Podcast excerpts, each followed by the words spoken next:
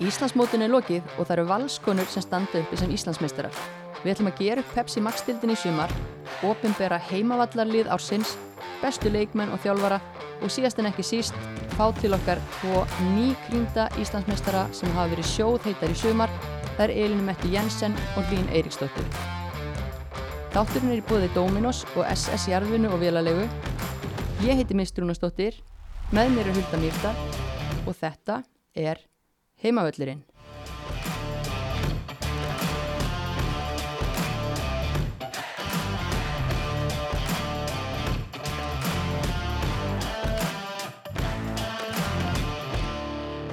Hulda, það er þetta bara búið. Já, fjörið er búið en, en gott var það. Heldur betur, valskonur standi uppi sem Íslandsmeistarar, fannst þér þetta samfærandi? Já, ég minna þær gera tvö jafntefli við mótið, liðið í öðru seti gerir einu meira jafntefli og þær voru bara valsliðið og meira samfærandi í ár og þetta bara fyllilega skilið Skora fullt af mörgum, fá á sig fá. og, Og- bara, já bara það var press á þeim fyrir móti ég meina það hefði verið neysa ef þetta lið hefði ekki unnið en að ska- samanskapi verða þær að vinna alla leikina og gerðu það bara ansi vel Það stóðist pressuna klárlega. Já, og En- bara, já, þannig að það var kannski bara meira kannski bara hv- hverjar, hv- hverjar hvað einkendi sumar. Það voru náttúrulega þessir ungi leikmenn eins og við höfum talað um. Fullt af unglingum í stórum hlutverkum. En svo voru það líka eldri borgaratnir í hérna liðanum sem að voru stórkostlegar. Já, alltaf valsliðið uppfullt af, af hérna, leikmennu sem myndu flokka sem eldri leikmenn. Já, ég segi nú ekki eldri borgarar, þetta eru, þú veist, eins og, 30 pluss bara. já, það sem er eiga, undanlega, hérna, eins undanlega það ljómar, það Og þykir eldri. já, þær geta ekki farið að hætta núna þegar eru búin að vera svona góðar. Margrét Lára Hólmfríður bara, nei, það er, það er bannað. Það er bannað, já, Hólmfríður í Selfoss náttúrulega með svaka innkomu. Eitt þó, Mhm. vantast það kannski í sumar bara. Já, maður bara bjóst ekki við þessu, maður bjóst meira við að hún væri bara til að styðja viðliðið en ekki sprengja upp hinliðin, skilur við. Þannig að það er svona, já, ef ekki bara að byrja, ef ekki að fara þess bara yfir Já, fara yfir, yfir sumarið. og bara ef að taka hvert lið bara aðeins fyrir sig, bara svona örstutt. Já, er það ekki bara? Byrja á botninum, HK Víkingur.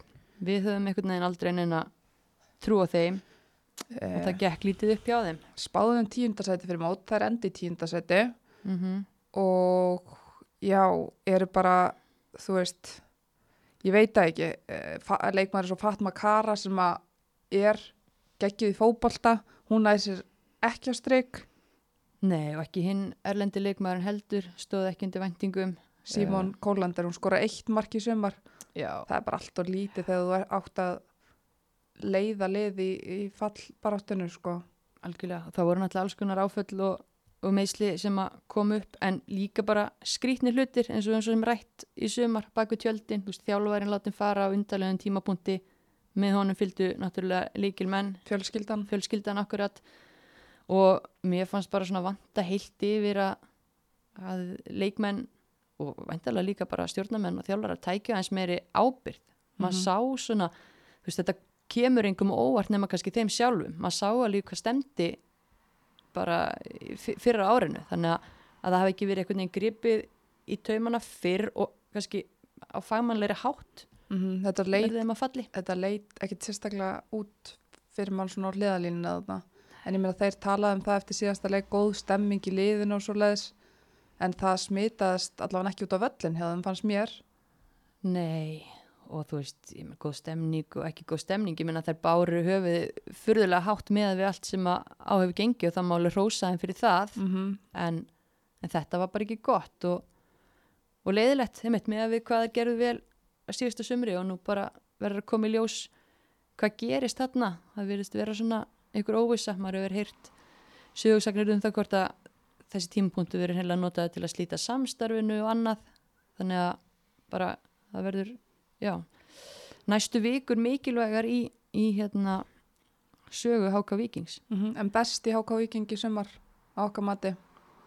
mm, mér finnst Arna Eiríksdóttir hún náttúrulega spilaði ekkit allt sumarið út af meðslum en ef maður myndi skoða bara tölurnar hennar í, í þeim leikjum sem hún spilaði þá engi spurning. Ung og, og efnileg og hún gruði náttúrulega bara árangur og maður sá það að, að emitt, hún drullu svegt eftir hennan loka leik og annað, þetta er stelpa sem er með mikið metnað kröfur mm -hmm.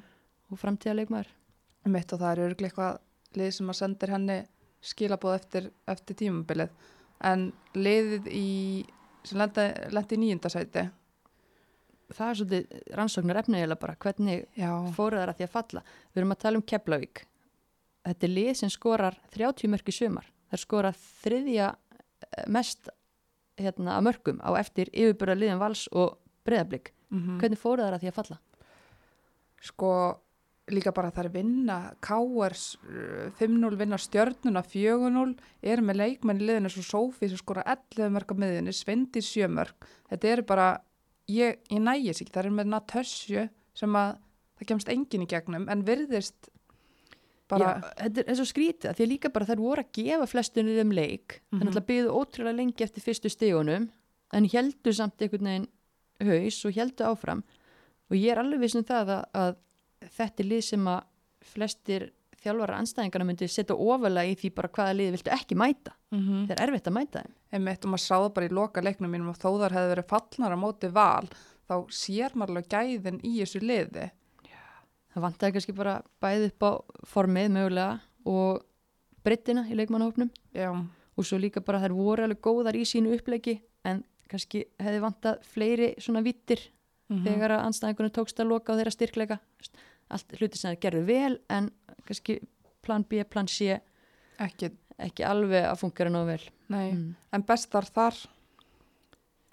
Ætla, fyrir mér sveindi svona Natasja bestar, Sofí náttúrulega frábæra að skora þetta mikið að miðinni en Natasja klettur og sveindís að setja öll þessi mörk í, í falliði, oft einmann upp á topp já, og hérna einmitt bara uh, Natasja og Svendis þær, þær, þær geta verið í Pepsi Max-deildinu á næsta ári. Það er hvaða bara liði sem er einmitt. á mínum mati. Þannig að, já. En uh, í áttundasæti, þar var IBF Já, hvað, hvað getum við sagt um þetta jó-jó-lið? Það var bara svona mjög óreiðu kent sumar myndi ég segja og kannski leikurinn er að gæra á móti selfósi, sumar eða svolítið upp. Sumar eða mínum mati margt sem fellur ekki með þeim. Þar hafa lendi mótleti eftir nokkrum atriðum þar sem bara domgæsli bíó og þeirra mm hlut og annað. En þú veist það breytið ekki að þarna bara virðist vera ákveð agaleysi og hópurinn er ekki smetla það er ekki í nógu góð formi skipula er ekki nógu gott og já ég veit ekki. Við vorum efins með hvar við ættum að setja þær fyrir sumarið. Hlóun og pína þeim sem ætlaði að fara bendlaði við botbaróttu en það var úr að frétta. Einmitt eins og þú veist að tapa fyrir breyðablík 9-2 Já. það, þá er, þetta er það, þá er bara eitthvað mikið í gangi. Þá að sjást í þessari deild svona, svona spilamennska Nei, og þú veist já, ég veit ekki hvað maður að segja. Það er bara margt mjög skrítið og þú veist svona, ég veit ekki leiðilega fréttir að heyra eins og bara þjálfaranum Jón Ólef reynda fráfærandi að hafa samband við leikmenn án hérna uh, ólulega, þú veist, leikmenn á samning miður sísoni, þú veist aðstofþjálfarinn að fá raut þarna í þessum leiki gæri, jú, jú, þar fengi á sig mark sem að var kóla ólulegt og annað, en svona einhvern veginn bara svona ég veit ekki hvernig maður lýsir þessu, bara óreiða á agaleysi mm -hmm. Það er náttúrulega klói fer á uh, bara þegar nokkur leikir eru eftir það er náttúrulega leikmaður sem hefur haft þetta lið svolítið á herðum sér en maður bjóst við að myndi þannig að leikmenn stíga upp sem að hafa verið góðar. Það eru nöfni í þessu liði sem að bara maður vildi sjá meira frá. Já, já, algjörlega. Og já, þú veist, en bestar þar í sumar? Klói var best ángjörl hún fór og minnst brenna kannski hafa stíðið aðeins upp mm í, í lokin. En engin Klói Nei, hmm. þannig að þá er liðið í sjönda sæti. Það var Káar sem endar í sjönda sæti. Mm og það var í rauninni bara í að setja svolítið sem fjóruði júli þegar hérna hún bójana stígur frá. Fyrir þann leik voru liðnar átta leikir og hérna það er búin að vinna eitt leik og gera eitt í aftöfli Kalli tekur við þessu og það og eða Ragnar Lóa fyrst og svo Kalli það bara kemur allt annað bragur á liðið Allt, er spilamennska, hún umturnast. Já, bara svona einhvern veginn eins og gerist átt með breytingu, kemur nýr andi en, en líka voru þær að fá einn leikmenn þá úr meðislum og Gloria Douglas fekk loksins leikheimild og annað, þú veist, það er margt sem að, sem að tikkar. en- Gumma fór að skora.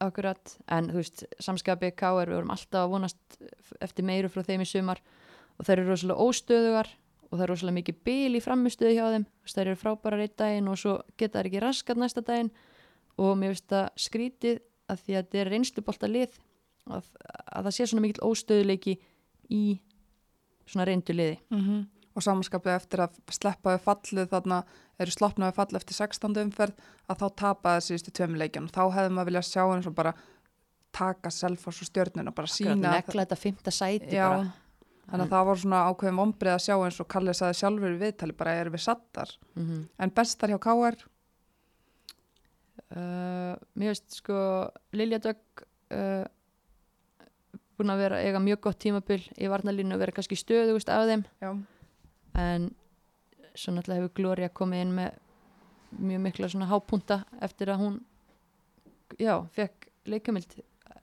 aðri leikmenn verið ómikið upp og ofan. Þú veist, Mhm. Katrin Ómars náttúrulega bara á góðum degi er unstoppable en þeir voru ekki alveg nóg margir að mínum andi í sumar með kröfuna sem við gerum á, Mm á hana. Og Gloria gaf þeim bara svona aðra vitti og fleiri möguleika. Skora fjögur mikilvæg mörg og bara frábær, sammála því. mm En hérna, þá er komið að hvað sæti? Fylki, sjötta. Já. Og hérna það er einmitt lið sem að við spáðum nú niður fyrir tímambili, vorum ekki alveg samfærðar en þar hafa reynd að spila jákvæðan fótbolta sinn fótbolta í allt sumar, alveg Mhm. sama móti hverjum. Það er aldrei lagst tilbaka og, og farið í eitthvað kikkenraun Mm -hmm. þannig að, að uppbyggingin skila sér sko já, inn á völlin og í öllu uppspil og öllu alveg eins og í, á leikmannamarkanum og, og, og svoleiðis. Þannig að og það eru líka búin að lendi í alls konar mótlæti og meðsli og búin að vinna vel úr því til dæmis tveir djúpi miðjumenn sem enda á að leysa hafsendastöðnar stærstan part sumasins Og Berglind frábær, bara, þú veist.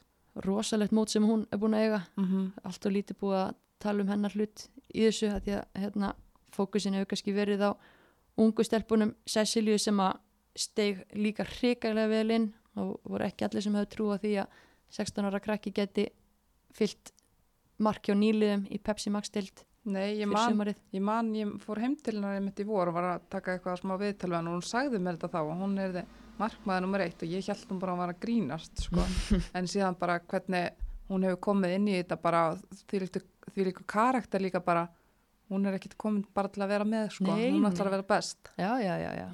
og og svo náttúrulega Ída búin að fá verðskulda aðtegli líka hún er búin að vera ótrúlega flott og skemmtileg og gaman að sjá svona tæknilega góðan leikmann koma upp. Mm og líka bara að skora minn hún skorir einn kass og í fyrra tvö mörg hún skora sjö í ári í Pepsi-deldinni það er Pepsi Max-deldinni afsakið. Hún hérna, hún sýnir það bara. Að meðan kannski leikmaður eins og Marja, Rajkovic Já. já. að hún var að skora mikið fyrir þær í fyrra en hún kannski nær ekki. Nei, hún var ekki alveg tilbúin í Pepsi Max hörkuna. Nei, sem að Ída var að löfa. Hún var að elska að taka stáfið þessar hérna, reynsl, reynslubolta þarna. En best- best í fylki. Ég var náttúrulega bara að telja þær upp sko. þetta eru þær þrjár, ég ætla ekki að gera upp millið þeirra. Hvað finnst þér? Ída, Cecilia og Berglind. Já, já, ég er sammála því. En fymta sætið. Stjarnan tekur fymta sætið enda með 23 stig. Þær skora samt næst fæst mörkin eftir Háka Víking. Já, var alveg eða mörgur ganga þar í, í markaskorun á tíumbili mm en þetta er í raun sama sæti sem við spáðum þeim í fyrir mót en svona þegar uppi staði þá finnst mér rosalega stert hjá þeim að hafa náðu þessu sæti já, ég er sammála því að því að maður vissi ekki alveg við hverju átt að búast og þetta var svona já sveiflukendar framistöður og það er náttúrulega lenda hana í bara vikum líku við mánuðum saman náður ekki að skora markaðna og mm -hmm. en einhvern veginn ná að snúa þessu sér aftur í hag og mér fannst þær enda mótið bara stert og þessar ungu stelpur bara einhvern veginn svona síndu það að, að það væri ekkit bara einhverju kjóklingar heldur stelpur sem eru góður í fótbolta og vilja vera að læra og eru svona að bæta sig. Bara gaman að sjá eins og hildikunni í bara frábæri fótbolta. Mm Anita kom hressilegni í þetta nokkru sinnum. Þær eru með, með þessar stelpur. Já, það kannski sem vantaði bara svona meiri þungavikt í hryggin hjá þeim til að taka þetta skrefinu lengra. En mér er bara 23 stig bara flott með þetta með að þetta var alveg nýtt lið allt annað lið Er skilur það ekki? Veist, ég held það. Það er mig bara að vera, vera nokkuð sáttar. Líka bara þú veist að byrja þetta vel og ná eh, eftir öll, allt þetta vesens og brasin að lenda í að enda þetta líka vel. mm Og það mátti ekkit miklu munaðan á þessum sætum í kringum fimmtasætið en þær eru samt að klára það. Einmitt. En hérna besti í stjörninu sumar? Mér finnst þetta eiginlega eitt af þeim liðin þar sem að framistaðan hefur verið svona einna jöfnust ef ég hafa verið hinskilin en ég myndi nú alveg segja að, að mörkinar Hildigunar hafi dukkað upp á mjög góðum tíma hjá þeim. Mm -hmm. og hún spilaði nú, já hún spilaði nú svo sem ekkit næstu í alla leikina en, en hérna já ég veit ekki, nafni hennar svona tikkar inn uh, Anna Maria er náttúrulega mikilvæg fyrir þær já, bara en mikilvæg hlekkur í liðinu missir náttúrulega mikið úr líka Einmitt. En það var allan að það mála nefna hildikunni út og þetta var nákvæmlega þeim tíma sem það þurftu mörg og það var ekkert líklegt í spilunum og ég bjóst ekkert við að hún væri endilega að koma inn í þetta og, og setja þessi gæða mörg. Það var ef Nei, ekki bara að gefa henni þetta.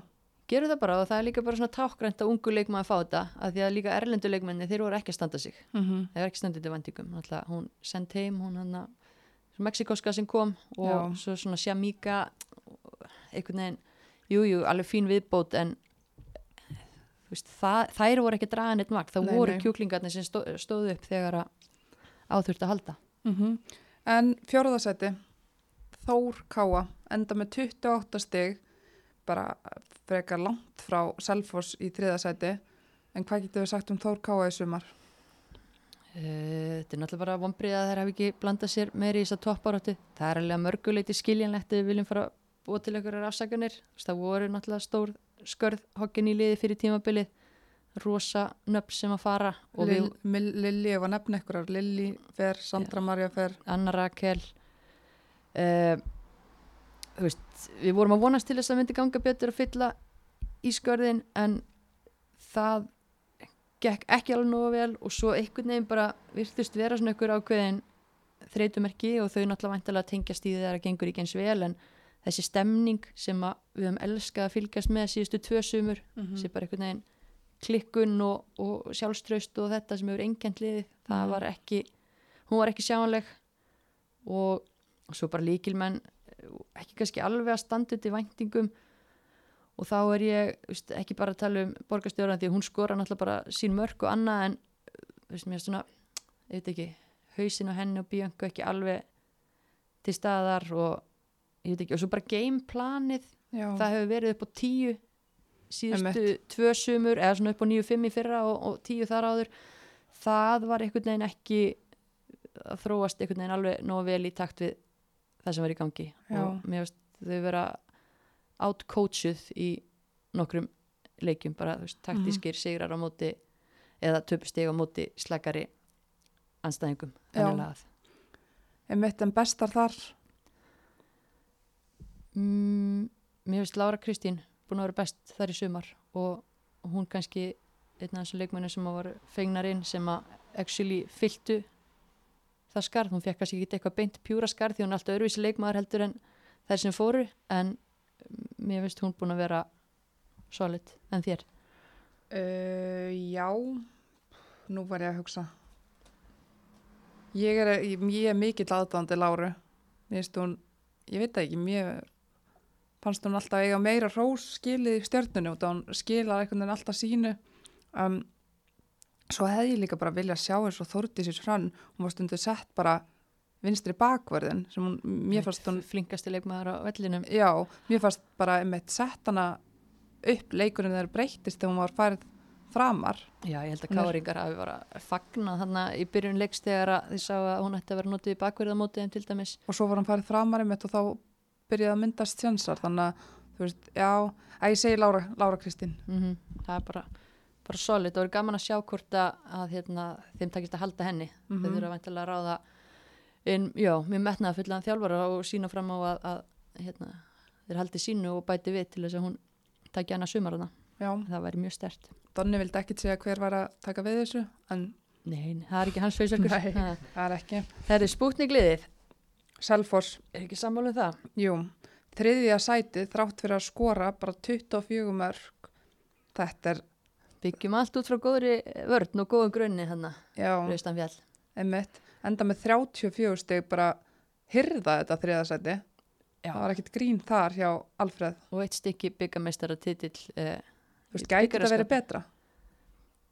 Nei, ég held að þetta Miðað sé við bara maksið á, á þeim mannskap og, og hérna og svona ef við horfum bara líka aðdraðandan þú veist það lendi í áföllum hann að að missa notabenni tvo af sínu bestu leikmannum frá því fyrra þarna Alisson Harran og, og Markverðin og já, Markverðin meiðist bara rétt fyrir mót núna Mm -hmm.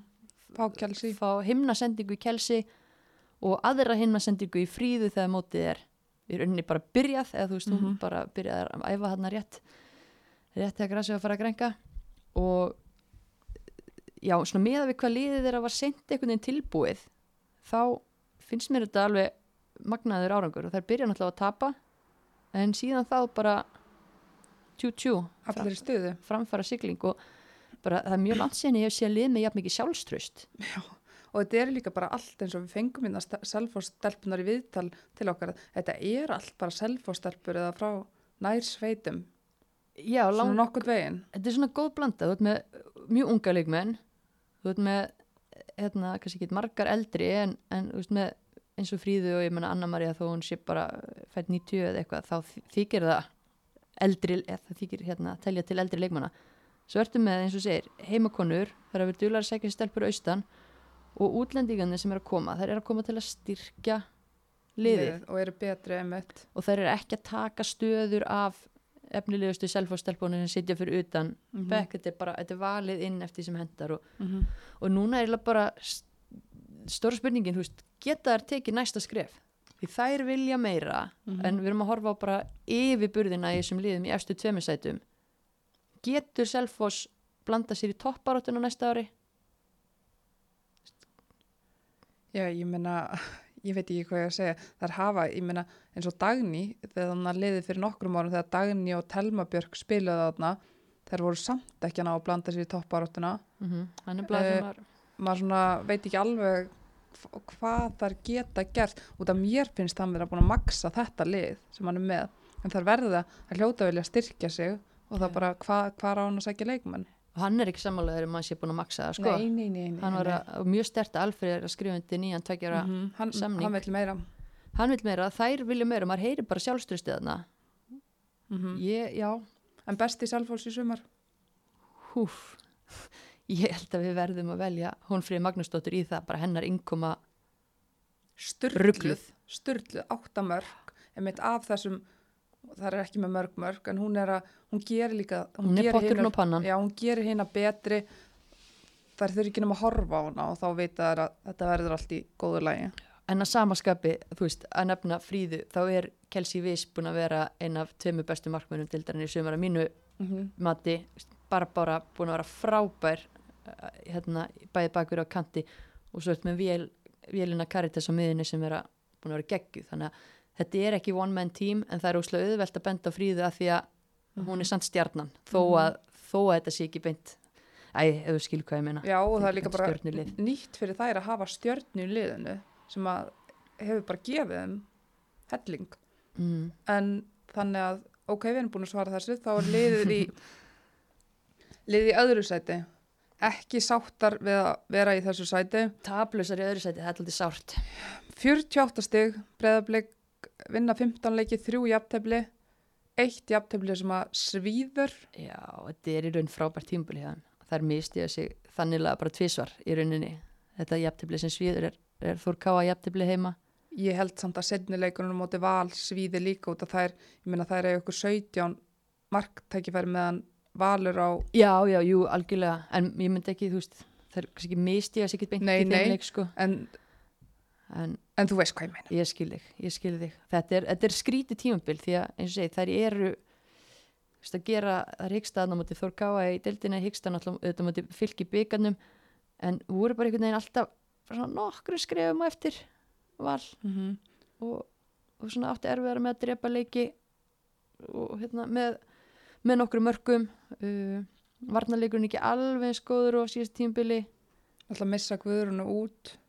Þá kemur Kristín Dís inn í miðverðin með heiti sig mm og það er svo sem ekki bara eitthvað nákvæmlega, það er ekki hafsend en það fannst mér mjög góðir hjá þeim í sumar. Þetta er bara svona hildar, fjolla náttúrulega missir rosalega mikið út og hún var einn mikilvægasti varnar hérna hlekkur þeirra sterkasti varna tengiliður. síðasta tímabils. Þannig að Mhm. Það er svona margt sem er í þessu en þetta er húslega skrítið, ég meina það er ekki þetta kvarta mikið yfir þeirra framistuðu Já, og náttúrulega margar allar að spila vel en hverja fannst þér svona bestar í sumar í blikum? sko best í blikum er du, du, du, sko mér að Hildur Antons frábær. Þvíl kona. Mm spilar eh, 16 leiki og bara því líka vel fram og tilbaka. Hún er líka með hún er ekki bara vel, hún er með sendingar líka fram á þessum að og bara hlaupin og allt, mér finnst það að Jón þarf eftir að horfa aðeins meira á hana. Mm Já, og Berglind Björg náttúrulega Já. heyrði, heyrði guttskóin annað ári í röð. Uh, og bara all mörkin sem hún er að skora bara mikilvæg mörk og, og emmitt þetta var ekkit, þetta var ekkit grín sem hún var að skora öll þessi hérna hún fær ótt gaggrinni fyrir að klára ekki einföldu færin sín en Mhm. svo réttur hún manni bara sokk og, og skora bara úr ekkur allt öðru í staðin og er markahæst það er og bara, bara frábær og ég minna Alexandra skora líka 11 mörka miðjunni Agla, Marja náttúrulega frábær líka Áslöf Já. Munda þú veist Karolina Lea bara þessi tækni mm áfram? þú átt eftir að telja upp hérna, þrjá ári Nei, þetta var rótilega flott eh, bara, veist þetta, þetta, þetta munar ekki miklu. Nei, ha. en tökum ekkit af Íslandsmeisturum Vals sem eru, er liðið sem að klára þetta í fyrsta sæti.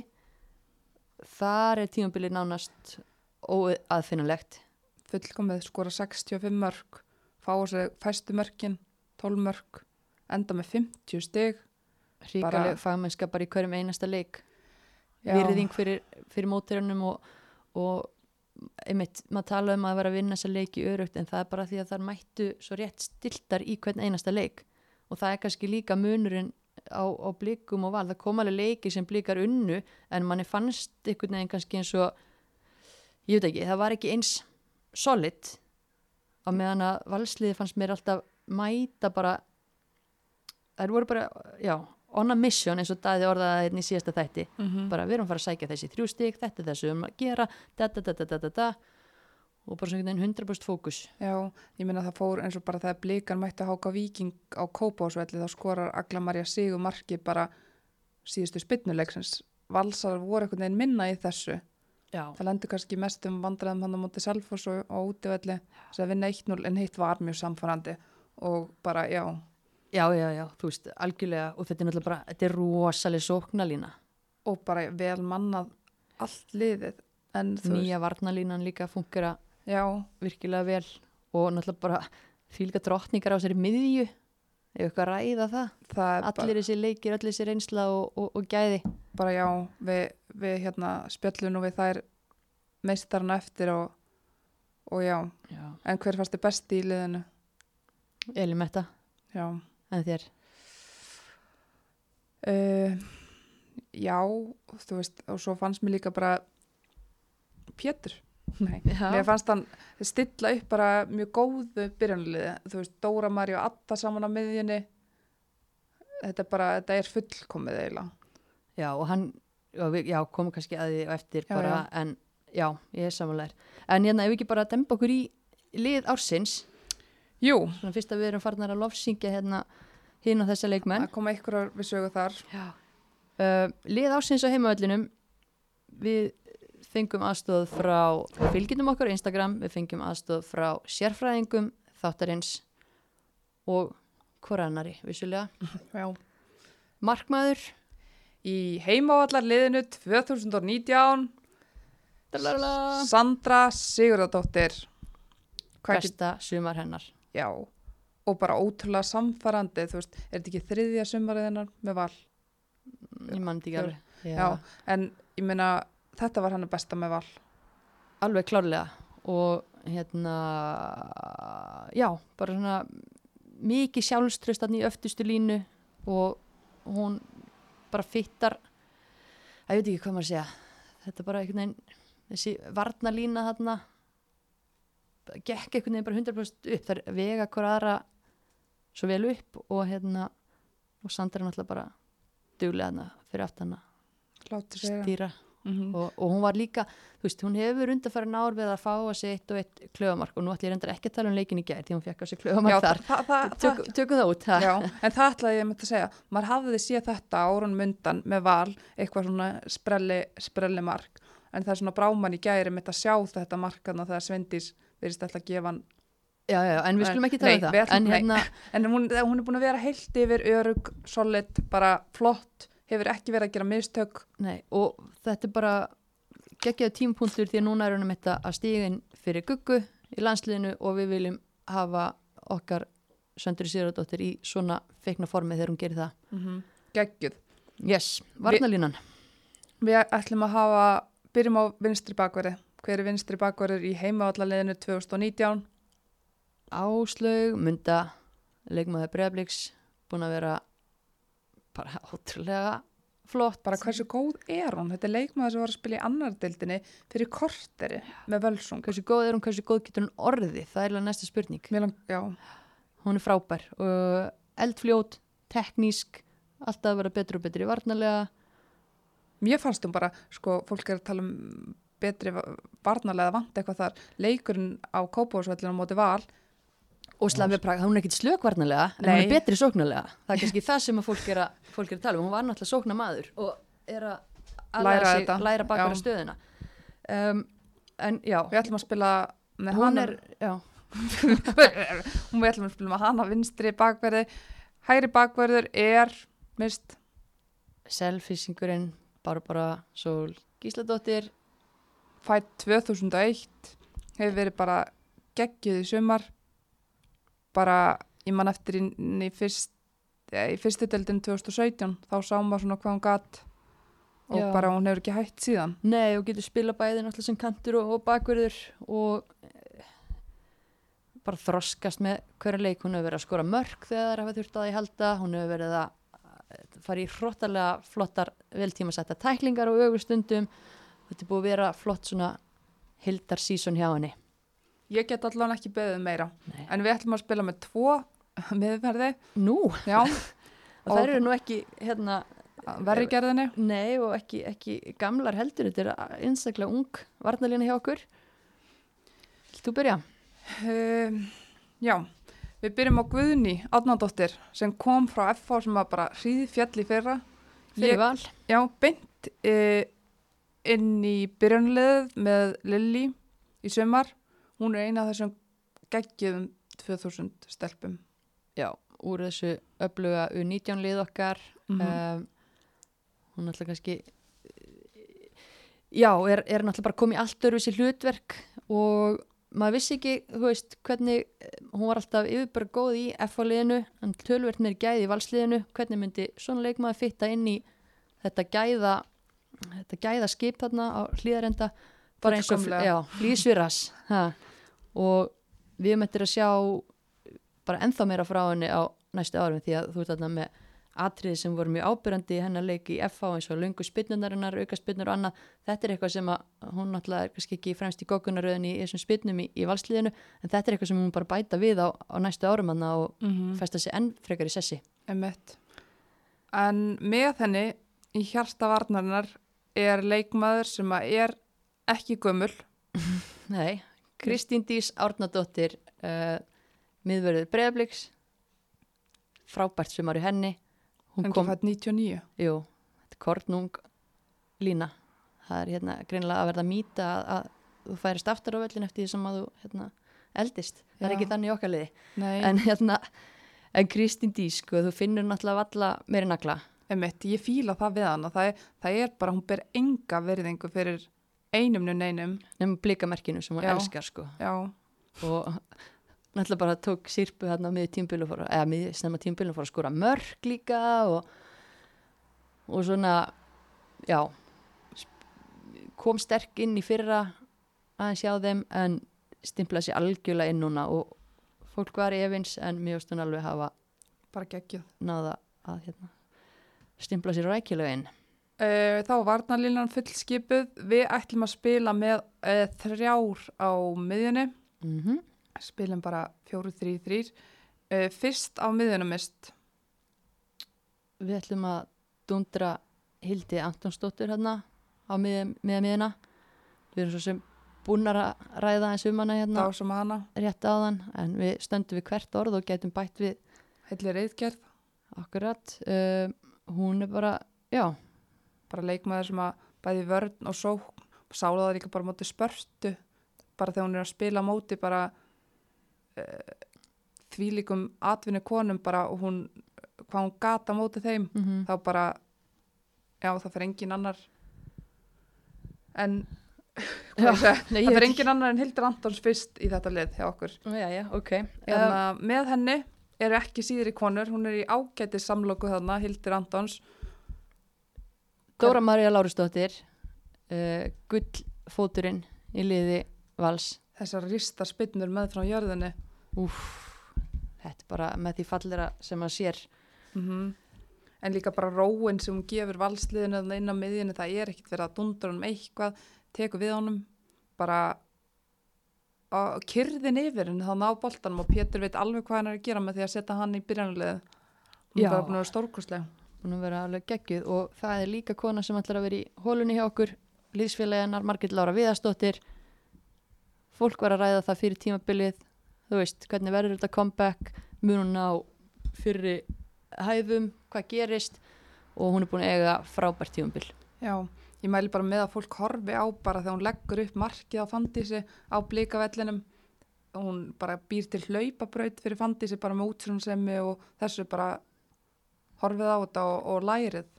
Bara þetta var maður alltaf að sjá í sumar bara, þú veist, hún er ekki þannig að hún bara hleypur inn í þetta leið hún er búin að gera þetta eins og ég sagði aft- áðan bara í allt sumar. Þannig að já, Bara- yes. þannig að við erum sáttar Dóra Marja Hildur Antons og Margit já, skora fullt af mörgum og já, já, já, það er ekki vesin á þeim. En við ætlum þrjár. já, þrjár frammi.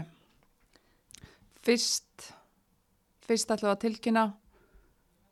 Eitt, tveir og Hlín Eiríksdóttir ætlar að vera hann að hæra meginn hjá okkur. Skora þrjú mörgu fyrra, sexta mörg núna. Hvernig fór hún að þessu, við vitum það ekki. Kemur ljós. En eh, hennar besta tímabil by far. Já, fólk var að, að einmitt, velta fyrir sér hverju getur orðið markaðista fyrir tímabilið og annað það, nafnina Hlína var ekkert að koma mikið upp.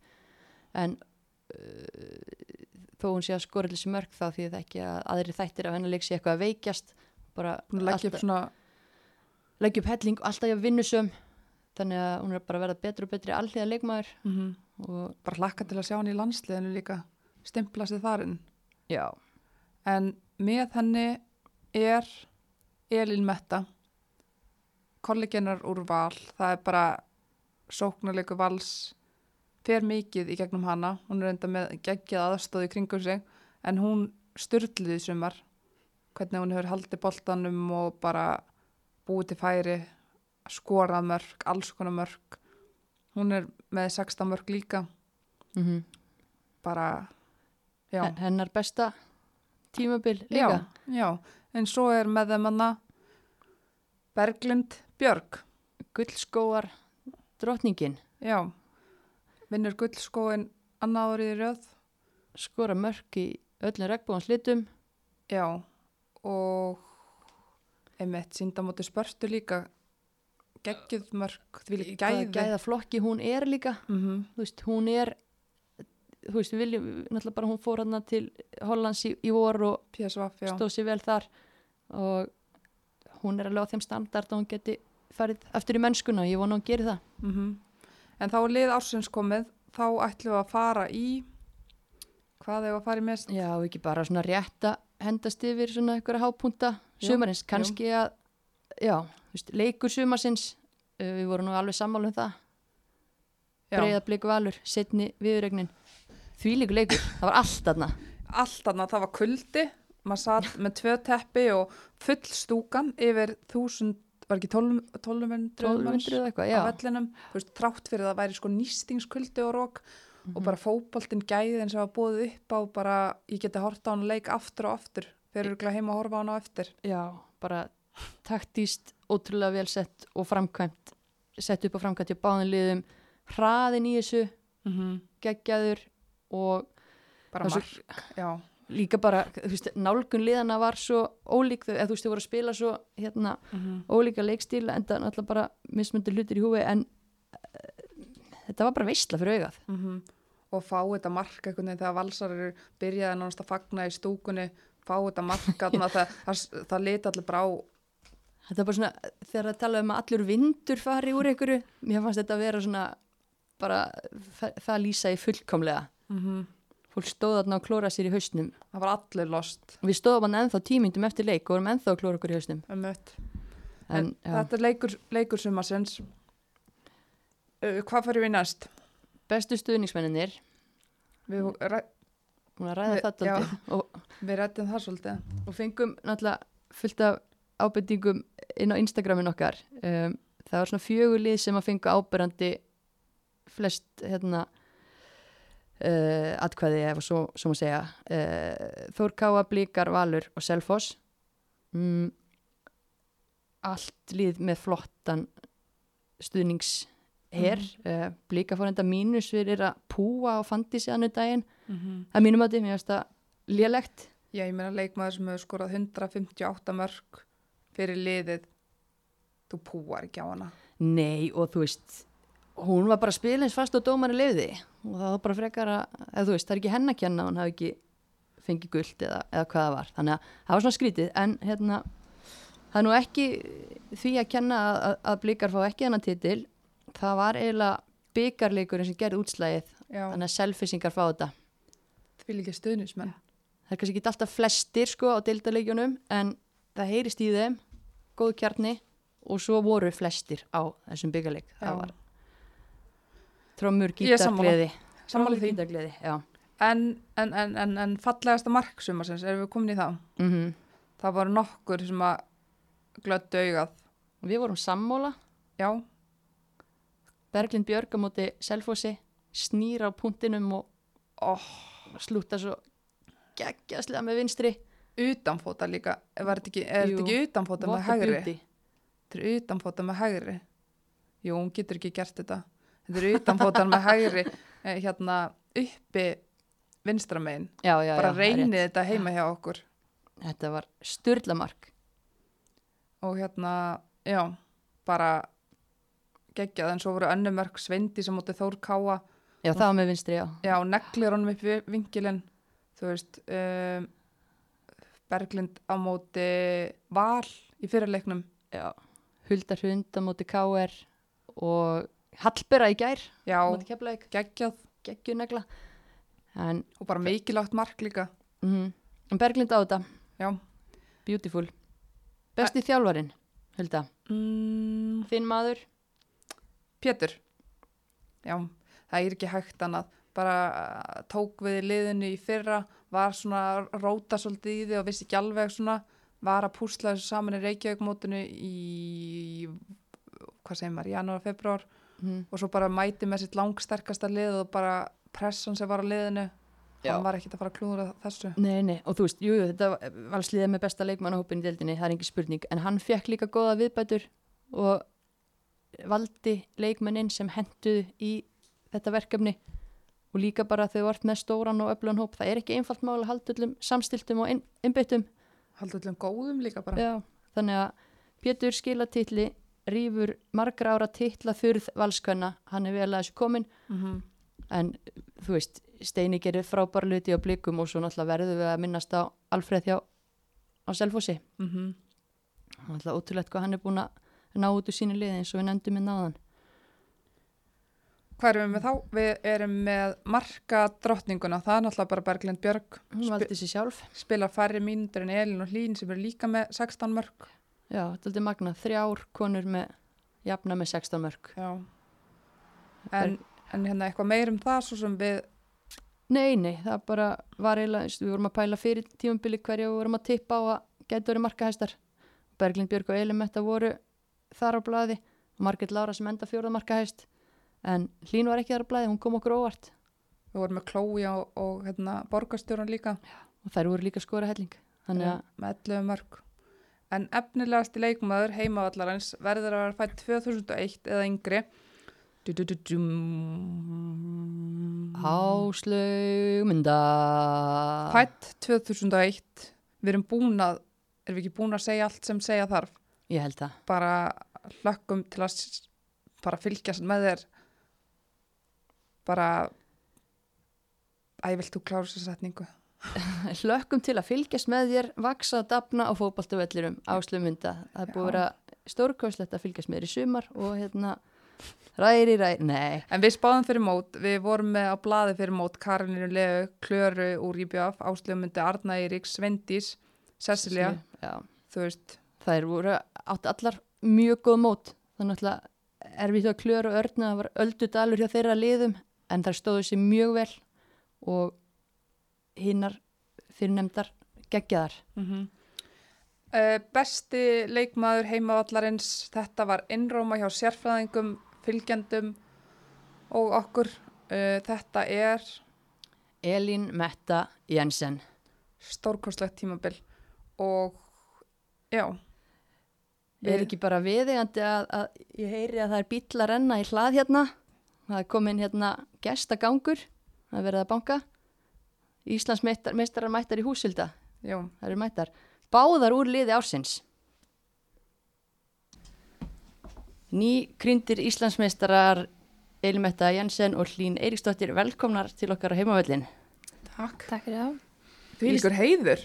Já, geggja að fá ykkur. Íslandsmeistaratitillin kom loksins í höfn í gær.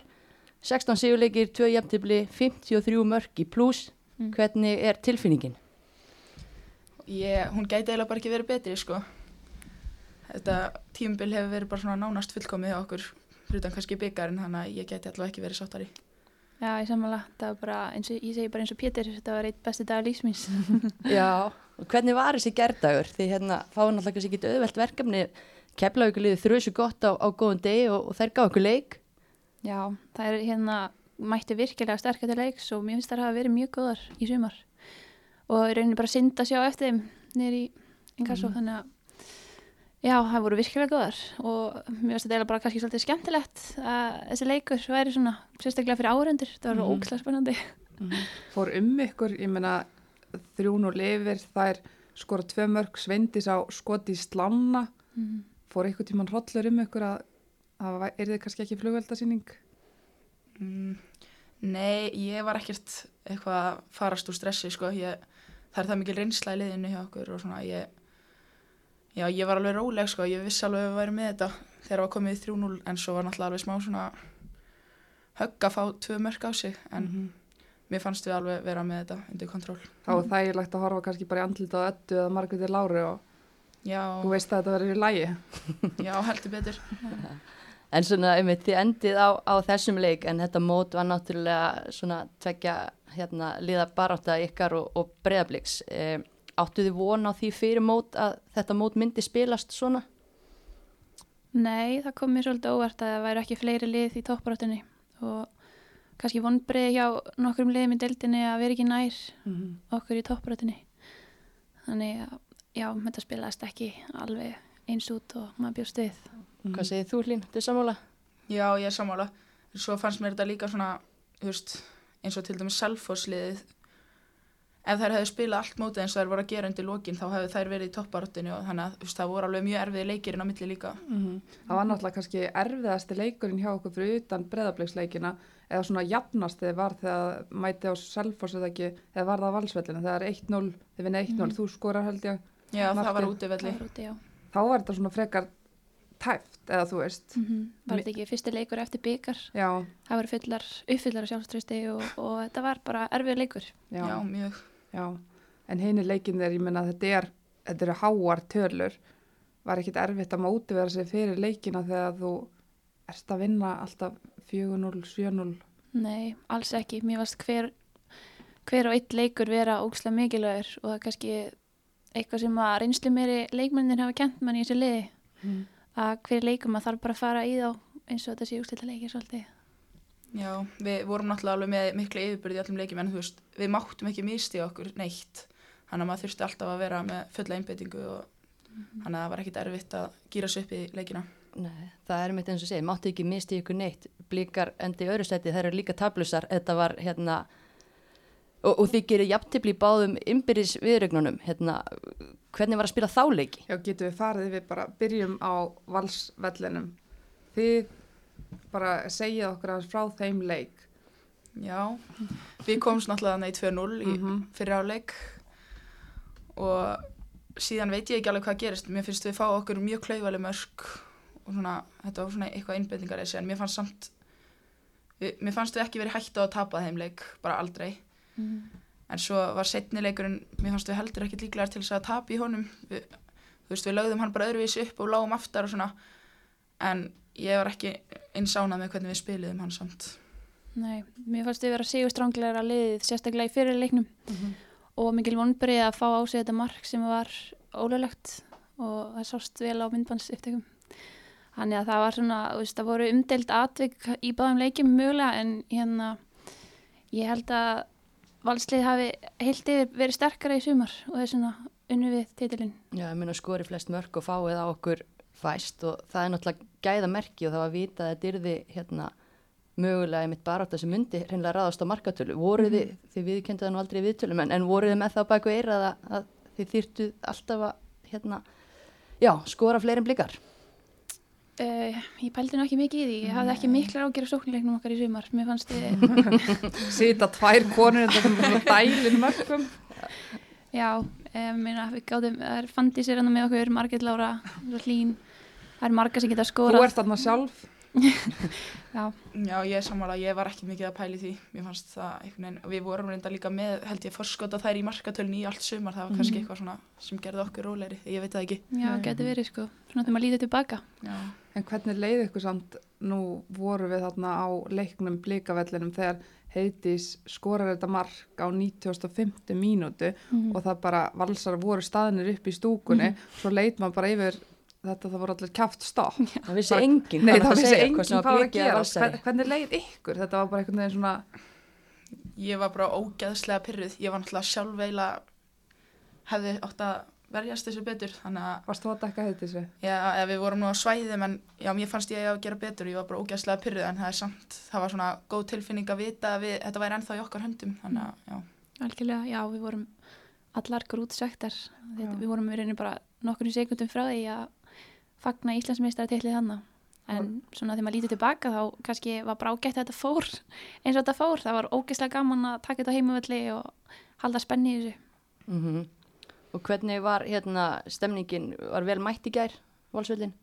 Mm Já, Já, ég held að það verið ykkur 600 manns á vellinum eða eitthvað. mm Það er allavega betri mæting heldur en hefur verið í sumar, þannig að... Mér leiði svo að það var þúsund. Það heyrðist alveg ágætlega í þeim og bara eftir leik líka Já. fólk var ekkit að fara heim, fólk stóð þarna bara heil lengi og Já, bara, mitt. en hérna eigum við að fara aðeins, En en, já, kannski aðeins bara, já. já, nei, komdu, nei, nei, nei, ég er bara spennt. Hvert ætlaði þú að fara? Ég, ég ætlaði að spyrja bara um hérna liðstyrkin fyrir mót, en hvað ætlaði þú að tala um? Ég ætlaði nú bara, var bara velta fyrir mér að því að valsliðið hefur verið mjög vel mannað undanfærin ár Já. og bara svona ykkar skoðun á því hvað það er sem að hérna, velta því að þetta smetli núna, veist, hver er líkillinn?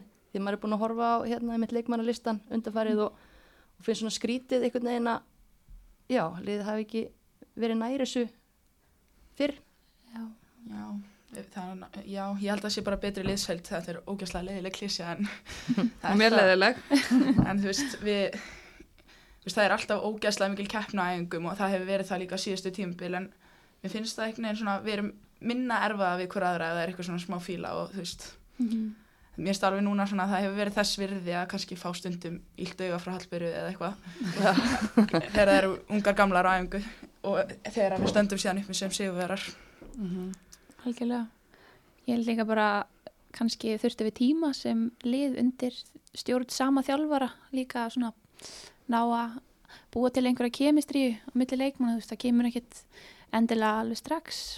Þannig að já, svo var Eyður, hann var mjög góð viðbót líka við hópin aðstæðþjálfari og bara leikmennir hann- hvað hvað kemur eyður með sem að mér finnst hann bara að koma með svona sjálfströðst inn í hópin og bara mér finnst hann og Pétur vinna þetta mjög vel saman. Þeir eru með svona skýra verkaskiptingu og eru með svona ég myndi segja vera með eh, mismunandi kosti sem þjálfarar og já, mér finnst þeir ná að gera þetta mjög vel saman í sumar Mm. Og einmitt nefnið liðseldina og tala um klísju en ég meina þú veist, þetta er það sem skiptir máli í fótbolta og mér fannst svolítið kannski lýsandi að, að það eru þrýr leikmenn sem taka við byggarnum ykkar í gær. Það, -hmm. hva, hvernig, hvað var hérna? Ég held að Pétur hafi valið eitthvað fjóra fyrirliða eða eitthvað fyrir mót. Ok. Ég man ekki hvort það voru akkurat þær en veist, það er endalaust af svona reynslu miklum leiðtöfum í þessum hóp og veist, eins og mist, veist, hún spilaði náttúrulega ekki allt tímbilið með okkur en hún er ógeðslega mikilvæg fyrir hópin, þú veist, hún skipulega æfingaferðin okkar nánast alveg Mhm. og hún er bara alltaf að gera allt, hún er alltaf búðin og búin til að gera allt sem þarf að gera og hún mæti líka alltaf á saman tíma við æfingu og er inn í klefa með okkur og er ókslega skemmtileg mannskja þannig að það er ekki vera nei. Nei, náttúrulega ömulegt fyrir hana, búin að leggja harta sér að koma tilbaka eftir meðsli. Sló, var það svona kjaftsök fyrir liði þegar að, að þið fréttið að, að hún meðist aftur þegar hún er að komast á stað? Já, það var það. hún er alltaf ógeðslega góð í fótbolta og það hefði verið geggja að hafa hana annað til viðbóta við þessa frábæri miðju sem vorum með og já, það var mikið högg sko sérstaklega líka bara út af því að þetta er náttúrulega í þriða skipti í röð sem að, þú veist, við erum búin að vera óhefnar með meðslu og maður hugsa svona, uff, alltaf, en síðan bara, ég veit ekki, mér er bara mjög gott að við náðum að klára þetta og já, Já, og meiri breytt kannski í liðinu núna heldur en síðustu ár? já já, algjörlega við fengum náttúrulega einhverja nýja leikmenn og Mhm. það voru ekki margir sem fóru frá okkur, eiginlega bara útlendingarnir held ég. mm Mhm. já, við fengum ótrúlega svona mikilvæga karaktera inn í liðið okkar og manneskið sem að kunna vinna titla finnst til dæmis Ötti Lilli var að vinna sinn þriðja titil líka. Og, og svo Guðni sem að er bara algjör sigurveri á mínum andi Guðni er náttúrulega bara búin að vera sjúklega góð í sumar Mhm. og hún og Lilli við að hver aðra rosalega vel upp líka. Mhm. Þær eru náttúrulega glænýtt miðverðarpar, fólk líka er kannski að gleyma því, þær koma báðar nýjar til bætt 1997 og 2000, þær, er- þetta er engin gamalmenni og þær smetla bara alveg inn í þetta, Elísa og Hall bara í samlokuna þarna. mm Já. Já, ég er alveg samanlega því og ég meina það skiptir máli fyrir svona lið sem ætlar að sér að vera topprátt að vera með almennilega varnalínu og ég held að það hefði skipt sköpum í sumar Og haldið þið að þegar að, að Pétur var að, að, að hérna, skoða leikmannamálinn síðasta haust að hann hafi gert það viljandi að fá, einmitt eins og nefnir, vinnera inn í liðið? Já, ég til okkur hafa verið mjög hefnar með þessa karaktera og já, ég held að Pétur hafa alveg vita hvað hann var að gera. Ég meina fólk var efins fyrir mótið, Adda til dæmis, hún kemur til ykkar og ég meina, má ég lesa upp tvít sem að ég sá í gær. Endilega. Berglind eh, nokkur hrund markmaður í hérna stjörnunni segir bara hérna eins og vannmennast á landinu Adda fokking baldur stjarnar gefur uh, skít í eitt mesta ædol sem hefur verið í þessu félagi. Drottningi hlustar ekki á kjaftaði, fer í val og búm, titill Ísla, Íslandsmeistari fimmsunum byggamestari þrísvar og þetta er bara svolítið svona hvað gefur Adda nú út af því að fólk hafði efasemdur um þetta hvort að hún væri bara svolítið búin hvað gefur hún, hvernig er að hafa hana þarna á miðjunni? Hún þakkar ekki. Nei, Nei. hún þagnar ekki. Og það er líka, mér finnst hún og Dóra passa svo vel saman út því að Dóra er svo, hún spila boltan svo rosalega vel og er svona sóknar sinnaðri og Adda er meira kannski í verninni þannig að mér finnst þær passa ógeðslega vel saman og báðar reynslu miklar og hérna, já, góðir karakterar. Mm -hmm. mm og þetta lið bara nú held ég fyrir þetta þeir eru, það er Sandra, Elin uh, Hallber og Hlín frá liðin í fyrra sem startið alla leikin í fyrra. Ég held þetta væri aðeins hérna, minni, minni breyting.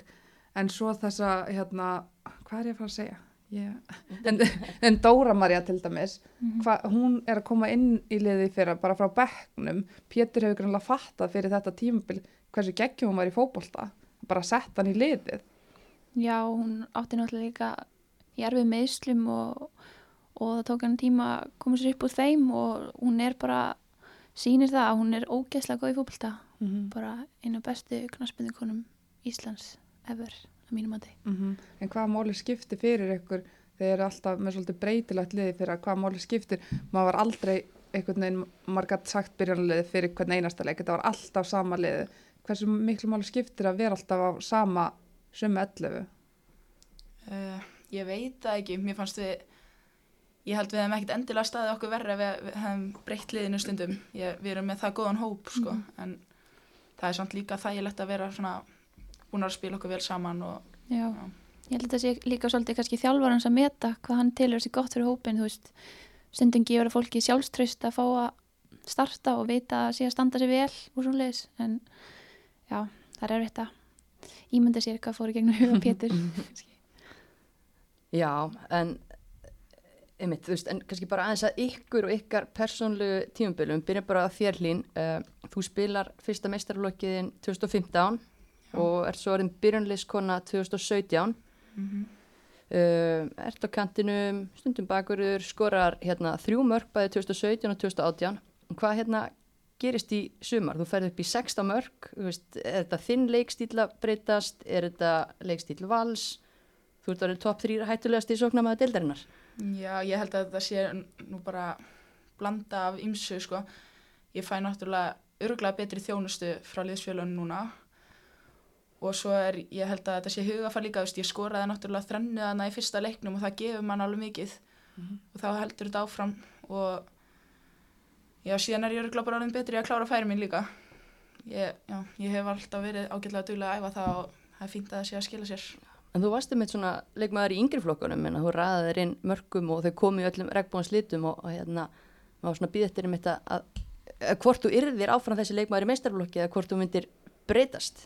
Já, ég veit það ekki. Ég var svo sem ekkit, ég er ekkit endilega einbeita mér engunga því að skora. Ég er náttúrulega er á kantinum þannig að það er líka gott að gefa stóðsendingu og gera hitt og þetta. En ég er mjög ánað samt að skora svona mikið. Veistu hvað og lagðir upp mörg mörg í sumar? Cirka? Nei, ég er ekki alveg með það. Ég veit ekki, kannski ykkur fimm, ég veit ekki, ég er ekki viss. Hvað fórstu upp, upp, oft upp kantin í sumar? Getur við talið það bara? Já, það var þannig, nei, ég veit ekki, ég veit ekki hvað átt. Þannig að sinnum í hverjum leik. lindamálið frá þrem mörgum upp í 16 mörg það er bara, já, Sjálfströst, Já. hugafar. Já, ég held það. Við skoruðum náttúrulega fleiri mörk í suma líka liðið. Það skiptir máli. já. Já, já, það má ekki gleyma því. En er þetta ekki þitt besta tímabil? Ekki örugt að segja það. Jú, ég held að það fara ekkert á milli mála. Við getum ekki þrætt við hann um það. Reykjöp 2015. Ég var endur ágætana í fjörðaflokki en, en þú veist, ég, við vorum í fjörðasæti í fyrra og þriðasæti þar áður og eitthvað þannig að ég held að sé frekar augljóst að þetta er mitt besta tímabil. Mm Sammála. 100%. já, Elimetta, uh, samanskapi, hérna, þú ert búin að vera geggjuð í, í sumar, uh, 16 mörg og, og fólk er að tala um þetta sem þitt besta tímabil. Hvað finnst þér? Já, ég get alveg tekið undir það mér finnst þetta líka bara langt skemmtilegasta tímabil sem ég spila og það kannski ég held að það hafi sitt að segja það var ókslega gaman inn á vellirum og þá kannski nærmaði því besta út af sína leik Já. Þið voru líka með boltan, þið eru með boltan svo svakalega mikið og eins og bara Margrét Lára spilar þarna fyrir aftaðeg. Hvernig finnst þér þú ná eða þið ná saman? Hvernig finnst þér að spila með henni? alveg mjög vel, mér finnst hún bara skila boltanum ótrúlega vel frá sér og hún er að reyna að skapa líka fyrir aðra leikmenn þó hún sé náttúrulega í grunninn markaskorri að guðs náð þannig að það er bara bara heiður að fá að spila með henni sko. En þú hefur aldrei, fyrir ekki að þetta er kannski leðið, þú hefur aldrei fengið gullskóin. Jú, Jú, ég hef það? reyndar fengið guldskóin Tók Söndumarju var með jafnmörg mörg eða ekki? Hvenær var Já. það? Var það 2013? Ég manna ekki 2012 2012 held ég. 2012, já þá ertu með átjánmörk. Já, Já það er, já já, sorry, þú hefur fengið gullskóin. En þú ert allan að, þeir eru þrjár sem skoriði 16 mörk núna eða ekki, mm en Berglind er með Fæstar já. spilaðar. Þetta er Ah. sangjut regla. ég veit ekki ég, ég veit ekki alveg hver tilgangurinn er með þessu reglu en ég ég vann guldskóinu sín tíma út af þessu reglu, ég var með færri spila mínútur heldur en Sandra Maria minni mig þá fekk ég guldskóin, þannig að þetta er bara svona ég, já, kann engar skýringar á þessu reglu en ég veit ekki alveg hver upprinn hennar er en Nei, hlýn þú ert brjáluð, ég sé það. Já, ég er alveg trítilóð. Nei, nei, en er þetta ekki bara alltaf magna afreg, þú veist, þið eru tvær með 16 mörg, mm Mhm. margillar að rétta eftir ykkur, svo Mhm. fandís, menna þetta var að koma úr öllum áttum. Já, og ég meni, það er bara, við skorum flest mörk í sumar sem lið og mér finnst það skipta mestu máli í þessu Mhm. og vorum augljóslega með besta sóknarlið og, og svo var það bara stóra dollan sem við vorum að horfa á, það var almarkmið í sumar. Já. Allt annað er bara bónus. Valur vinnu síðast um eitt Íslandsmeistartitil 2010 þá varst þú bara kjúklingur 15 Mhm. ára og Já. spilar kemur allan við sögu í tveimur leikjum og nær að skora mark mannstu Mhm. eitthvað eftir því tímabili? Já, ég, mér fannst ekki gaman að koma inn á, ég held að það verið móti haugum og já, ég náðu skora mark með fyrstu snertingu og það var ókslega gaman. En annars tók ég nú ekki mikið þátt í tímbili og mér finnst það svona titillin sem við unnum núna í ár ég myndi segja að það væri svona minn fyrsti alvöru titill. Í risa, risa hlutverki versus það að hafa kannski verið með svona kjúklingum öllum stórstjörnunum þá. Já, ég veit en já, ég man svona óljóst eftir þessu sko, svo langt síðan Já, maður tekur líka eftir því, þú veist, liðið sem var síðast Íslandsmeistar 2010, það eru Kristinýr, Maja, Markmaður, Pála, Ásta og þetta er allt konur sem eru í kringum samt liðið í dag. mm Skiptir þetta ekki líka máli bara fyrir klubbin? Jú, ég myndi segja það Jú, eins og Ásta, hún er, þú veist, hún er náttúrulega sjúkraþjálfarinn okkar, en hún er líka bara mjög mikilvæg í hópnum, hún er alltaf svo hress og skemmtileg og svona. Leifa ykkur stundum að koma heim til sín á kvöldin í nutt og eitthvað nú, Já, ég er ekki við sem að margir sjúka þjálfur að sé sko. grillvesli sem er heim til sín og eitthvað. Hvað grillaði Ásta? Var það ekki bara hambúrgarar? Jú, Gott hjá hambúrgar henni. er þið búin að fylgjast með henni með augnabliki hérna, inkasso? Já, aðeins, Já, svona með öðru. hún segist þeirra brillera þar Það er satt, hún er búin að gegja ha. En hérna Já, þú veist, þessi umgjörð það er ekki bara, einmitt, ástæða þessi nöfn það er á, á hver meinasta leik er hérna, hópur góðra kvenna upp í blagamannastúku vallar, þula, þulir og, og virðist vera sem að, að svona valskjarnin haldi saman. Já, algjörlega, það voru með okkur hann gæri í fögniðinum og það var bara geggjað, Pála Marí var þarna, Kristín Ír og, og fleiri gamlar kempur. Eða ekkert gamlar, bara kempur. Jú, jú, segðu það bara. Já, það skiptir máli út að maður sér þetta ekkert í öllum liðum. Ég meina, konur hætta og svo bara eru þar farnar í, í sín, sín störf utan fótboltar. Svo þetta hef, hefur áhrif á lið og smitar ykkur lítur að vera af þessu Íslandsmeistara. og ég meina leikmenn hlýtur að líði vel hjá félaginu sem leikmenn ef þær eru tilbúnar í að halda áfram hérna, að vinna fyrir félagi þannig að það er mjög stert og, Mhm. og hérna Og líka stuðningsmennir, það er, ég hef tekið eftir því þegar maður mætir og það eru nokkri svona örgla yfir aðeins meðalaldurinn sem að sita svo sætir með vals hérna trefil. Hverjir eru þetta? Þetta er ykkur menn úr hlíðunum held ég, ég veit Já. ekki, það er bara ógæslega góð liðsheld í val núna, bara í öllu félaginu, þú veist. Mm. Við erum náttúrulega handboltin og karfan unnu líka og ég held að það hafi líka gefið okkur eitthvað svona smá. Við vorum alltaf með það bak við eiran að, eirað að þær hafi unnið og ég held að það hafi alveg gefið okkur eitthvað svona smá auka búst til þess að klára þetta. Mm Klálega, líka ég man bara eftir þessum köllum sem þeir eru að tala um sem er upp í stúku bara frá því ég var lítileg voru þú veist í getrununum í Mm. gamla daga þannig ég man eftir að hafa farið í legutarskaffi með pappa mínum og, og þá eru þessi kallað þar og þeir eru þarna ennþá þannig að það er dásalegt Og þeir láta líka í sér heyra þetta eru okkar be- besta fólk lík, líkil fólk í félagunum okkar. Mm Já, það var ykkur af þessum mönnum sem fylgdi okkur til Vestmanneja og Mhm. Akureyrar og svona þannig að já, þetta er frábært. Mm Hefði ekki verið hægt að bjóða þeim bara í gær með ykkur út að borða.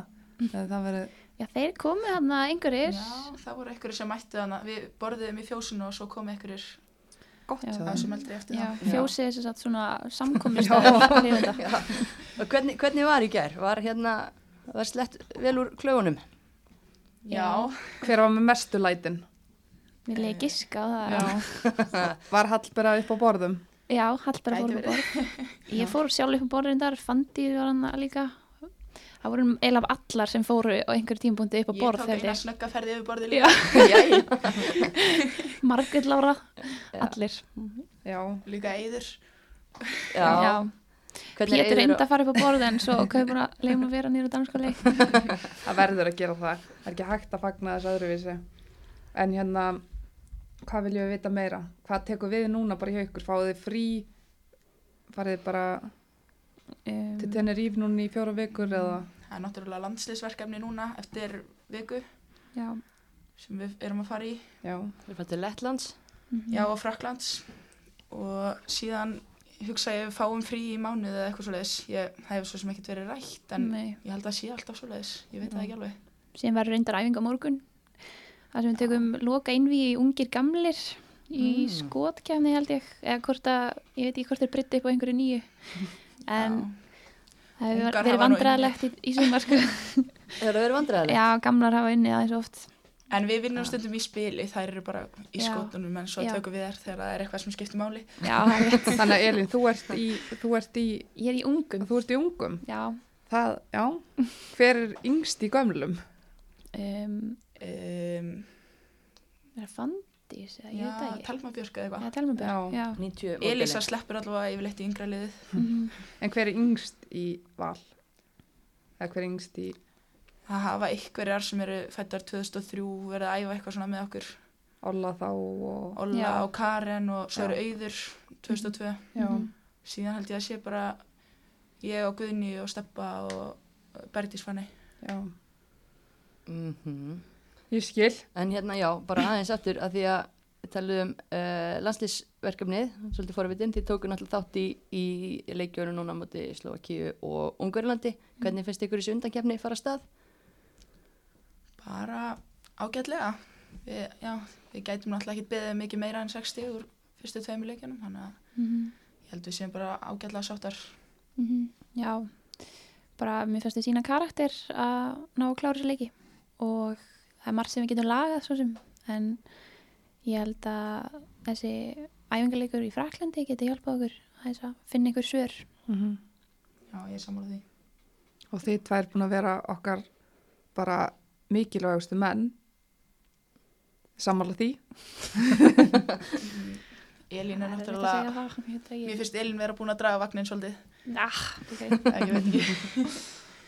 og þú komin inn í byrjunarlið að fe- startaðir annan leikin hvernig, Já. hvernig er að vera komin bara í alhanslið Það er bara það sem ég er búin að stefna að, þannig að ég er sáttu það, en ég ætla að festa mig en það betur í sessi. Það er bara markmiðið mitt núna, mm -hmm. að fá að vera með alla þessu undan kefni. Já. En hvað svona, hvað gerir þú ert ekki í fótboltalín? Um, Ímislegt. Já. Ég er ekki í skóla núna, ég er að vinna á hjúgrunaheimili, ég ætla að gera það í nokkra vikur allavega. Síðan er ég ekki búin að ákveða hvað ég ætla að gera, en annars er ég nú bara eitthvað að skemmta mér með systrum mínum og vinkonum mínum og ég veit ekki, þú segir systrum þú átt alveg nokkrar ég á þrjá systur. og Hver er annari betri í fótbolta? já. Já, já. ég veit ekki, alltaf hófa ég veit ekki hvað ég að segja. Mamma ykkar er náttúrulega algjör góðsögn, Guðrún Sæmundsdóttir. Uh, Gatt pappi ykkar eitthvað í fótbolta? Uh, hann æfði með Arnóri Guðjónsson í Völsungi í gamla daga Ok. og er mjög montinn af því en ég, hann er ekki mjög lungin þegar við förum með hann út á sparku eða eitthvað. þannig að þetta, þetta hafið þið frá henni Guðrúnu Já, ég held það. Já. En hvað hérna, já, þú kláraðir mentó, hvað, síðasta vor, þar síðasta vor? Já, Já. Ég, síðasta vor. þetta er svo stutt maður þr á þreymur árum Já, það er bara flestir að taka mentaskólan á þreymur árum núna. já, Og hvers svona leitar hugurinn? Þú veist, hefur áhuga á að reyna að komast út á skólastyrk eða... Ég pældi mikið í að fara til bandaríkjana núna í haust en síðan fannst mér það bara, þegar ég skoðaði það betur, mér fannst það einhvern veginn ekki, ég var ekki nóg spennt fyrir því þannig ég held ég sé svona eiginlega búin út til okkur það og mér langar meira að fara bara að spila eitthvað staðar í einhverju atvinnumannadeild setna en ég, já, ég verði eitthvað lengur í valsamt. já. Já. Elimetta, þú ert náttúrulega í hérna, læknisfræðináminu, hvernig gengur að samtvinna þetta, vantilega brjála að gera? Já, þetta hefur stundum verið svona, verið fullt mikið að gera stundum en það hefur samt gengið ágætlega. á hvað ár ertu í, á, Ég, ég var að byrja á öðru ári núna já. þannig ég kom svona smá reynsli á hvernig að samfæta þetta. Það var svona smá högg í byrjun kannski að finna út úr þessu hvernig maður ætti að gera þetta en ég held að þetta sé alltaf koma.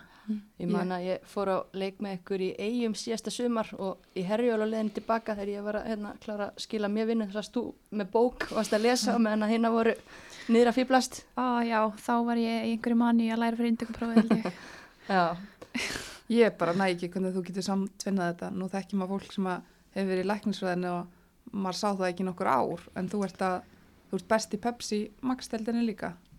um, Já, ég er svona á- ákvað bara að fara inn í þetta nám og sjá bara hvernig það gengi að, að hérna, samrýma þetta. Og mér finnst það að hafa gengið ágætlega að hinga til og ég ætla bara svona bara stíga varlega til jarðar með það hvernig ég gerir þetta næstu mánu og ár. En já, ég hef alveg, mér finnst ég hafa horfið líka smá og í bækunar og í æfingar sko, Mm. þannig að það er ekki mikil tími í eitthvað annað En fórstu út, þú fórstu út í skóla? eða- Já. Og það var bara ekki fyrir, Já, ég fór sér satt út til Florida State í eitt ár uh, saman skóla á í- Dagný og Berglind Björg voru í og ha, mér fannst gaman að prófa það sko en þetta endaði mér ekki til lengri tíma þannig að ég ákvað að koma heim og það var líka þá sem ég svona ákvað að fara í, læknisræði og mér fannst það hendugast að fara hérna heima í það. mm. en núna emitt, þetta er langt og strámt nám, uh, þú veist, getur eitthvað verið að velta fyrir þér hvort þú getur uh, farið samlega þessu í einhvers konar atvinnumennsku eða eitthvað svoleiðis eða, eða þurfa slíki draumar að vera á hólda meðan þú einbyttið þér að náminu? Já, þú veist, ég hef, sko, ég er bara, ég ætla að byrja að segja, ég er mjög ánum með að vera á Íslandi. Mér finnst umgerinn í val vera frábær og ég er mjög ánum með æfingafélagana í val og þannig að, þú veist, ég hef bara ákveðið að vera svolítið, veist, hér og nú og bara ekkert að vera eitthvað mikið að pæla í framtíðinni strax. En mér langar samt heldur ekki útiloka neitt og og það eru alls konar möguleikar í bóði og ég bara hef ekki kynnt mér nú vel ef ég er alveg reynskilin, þannig að ég veit það ekki Nei, hér og nú, það, það hljómar, hljómar vel. En hérna, svona í lokin, þetta er náttúrulega bara búið að vera frábært sumar og, og hérna, geggjaðir árangu bæði hjá liðin ykkar og ykkur sem einstaklingum og annað. Hvað hérna, næstu skref framhaldið, hvað gerir valur, hvernig getið þið haldið, haldið titlinum þannig? Ég held við þurfum bara að byggja ána það sem við erum búin að vera að gera og æfa vel í vetur og þá ættum við að allavega geta verið í baráttunni næsta sumar. Ég er með þannig lið og ég vona að það hætti ekki margar. Nei, það er kannski næsta spurning, við ætlum að vera að tala um þetta, hérna, sé svona heldri borgara lið orðið, er, er einhver að ég huga það að setja skónu upp á hillu? ekki Ég- svo að ég veit ég Ég veit ekki um það, ég hef ekki hugmynd. Nei, Það fara nú ekki að gera það þegar það eru í svona góðu standi þessar eldri. Nákvæmlega. nákvæmlega En, en þjálfararnir, eru þeir búin að gefa eitthvað út um framaldi? Það þeir að vera áfram með ykkur? Mm, Já, ég held Ég það veit ekki betur, sko. Já, ég veit, ég veit ekki betur heldur sko. Þannig maður er bara ennþá hérna í skíunum með þennan titil og minnst erfitt eitthvað að hugsa um næsta sumar núna minnst bara gott að hérna æla sér við þetta í byli Mhm. Já, þessi skynsam, skynsalett. Já, já, já, já. En já, eitthvað, mér langar að spyrja svo mörgu en ég bara, Já, já, við erum bara að fá okkur aftur. já, er ekki bara tími komin á kveðja Íslandsmeistarana? Bara getið ekki farið upp á okkar borð í dag og fagnaði samt þá betur? Ég er búin að vera upp á stofubarni heima í alla morgun. Það er gott, mér líst vel á það. Er þá bara takk kærlega fyrir spjallið. Til hamingju með árangurum bara. Þá er stelpunar farnar heim, mista að dansa upp á borðum. Frábært hjá þeim bara. Yes, bara um að gera að dansa og dansa og dansa því að tímabilið er búið. Og það er eiga það skilið. Já, Pepsi Max búin, Inkasso búin, Önnudil búin, hvað þá? Lífið heldur áfram. Leigubílasögur og, og gróa leiti, fulli já. fjöri. Menna valur á breyðablik það nú. Er það ekki þau liðarinn að kroppa í... Það eru orðið við alla unga leikmenn held ég á landinu. Mm Það er bara eins og það er. Já, já, svo bara sjá hvað verður. En hérna, alansliðið okkar álíka sem betur fyrr leiki fljótlega Lettland og Frakland, þannig að þetta er ekki alveg búið. Nei, gaman að mæta Fraklandi. Mm Mikilvægt að sækja þrjústið viðbútt til Lettlands. Já, mjög. Og svo er þetta mjög skemmtilegt verkefni sem verður hérna í byrjun oktober hérna heima, U19 sett, mun spila undanriðilinn sinn fyrir EM hérna, þannig að við höfum takið fyrir að mæta á völlin sem Mhm. er frábært.